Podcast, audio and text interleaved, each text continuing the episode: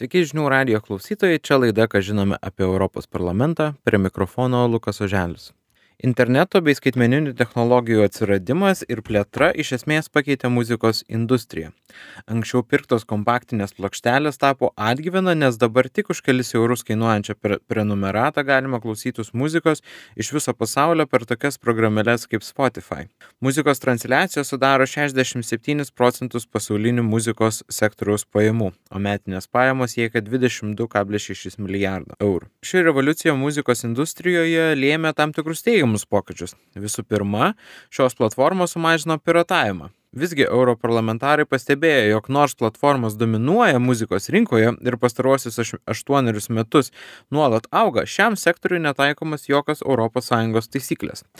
Taigi Europos parlamento kultūros ir švietimo komitetas priėmė rezoliuciją dėl autorių padėties ir kultūrinės įvairovės mažėjimo Europos muzikos transliacijų srityje. Rezoliucijoje priimtoje 23 nariams balsavus už, 3 prieš ir vienam susilaikius, komiteto nariai ragina spręsti spręsti sektoriaus disbalanso problemą, nes šiuo metu dauguma autorių gauna labai mažas pajamas.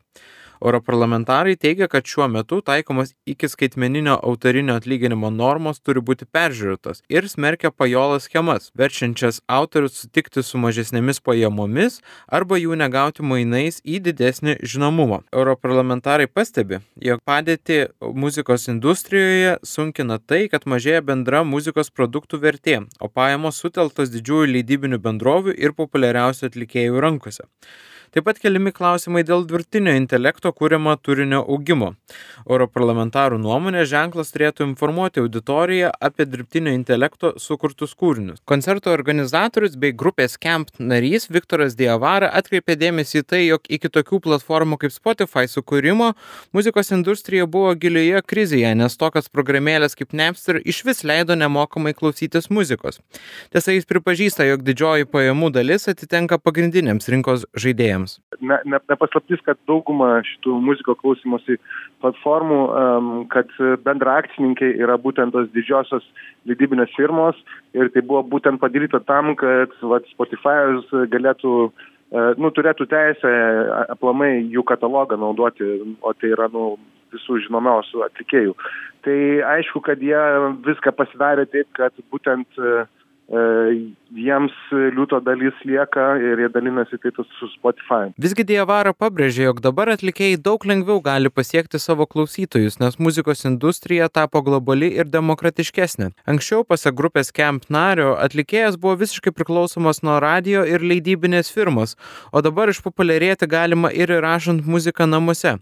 Kaip puikų to pavyzdį jis paminėjo DJ Nevykelę. Dievaros teigimu, už milijoną perklausų Spotify sumoka apie 4000 tūkstančius dolerių. Tačiau vis dėlto pagrindinės Lietuvos atlikėjų pajamos ateina iš koncertų. Asociacijos Latga direktorė Laura Baškevičienė pozityviai vertina Europos parlamento iniciatyvą bei atkreipė dėmesį į pajamų neligybę muzikos transliavimo platformose. Tie atlyginimai ar ne didesni atitenka populiariems labai autoriams. Mhm. Mažiau populiarių autorių atlyginimai, na jie tikrai e, negalima sakyti, kad didėjo ženkliai, tikrai didėjo neženkliai. Ir nežinau, ar, ar daugam žinomas tas faktas, bet e, tyrimas parodė, kad 93 e, procentai Spotify atlikėjų turi mažiau nei tūkstantį klausytojų. Tai praktiškai mhm. visa, visa, visa masė ne atlikėjų autorių e, turi mažiau nei tūkstantį klausytojų per mėnesį.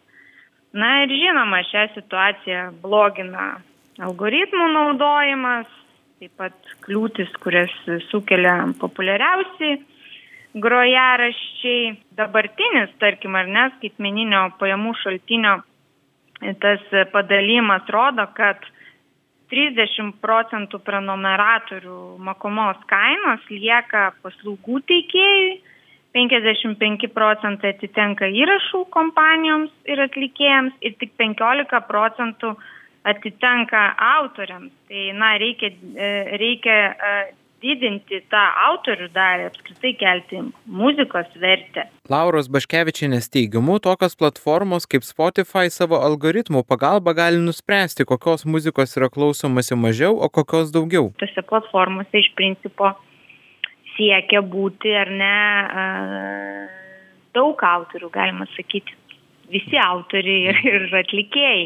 Tai čia gaunasi tokia truputėlį ir platforma ar ne galios pozicija. Visi siekia būti platformose, bet tam tikros taisyklės, ribojimo algoritmai, na, padaro taip, kad tavęs galbūt klausys labai mažai kas. Latgos direktorė tikisi aršaus muzikos transliavimo platformų pasipriešinimo šiems reguliavimams, tačiau tikisi, jog autorių situacija bent minimaliai pagerės.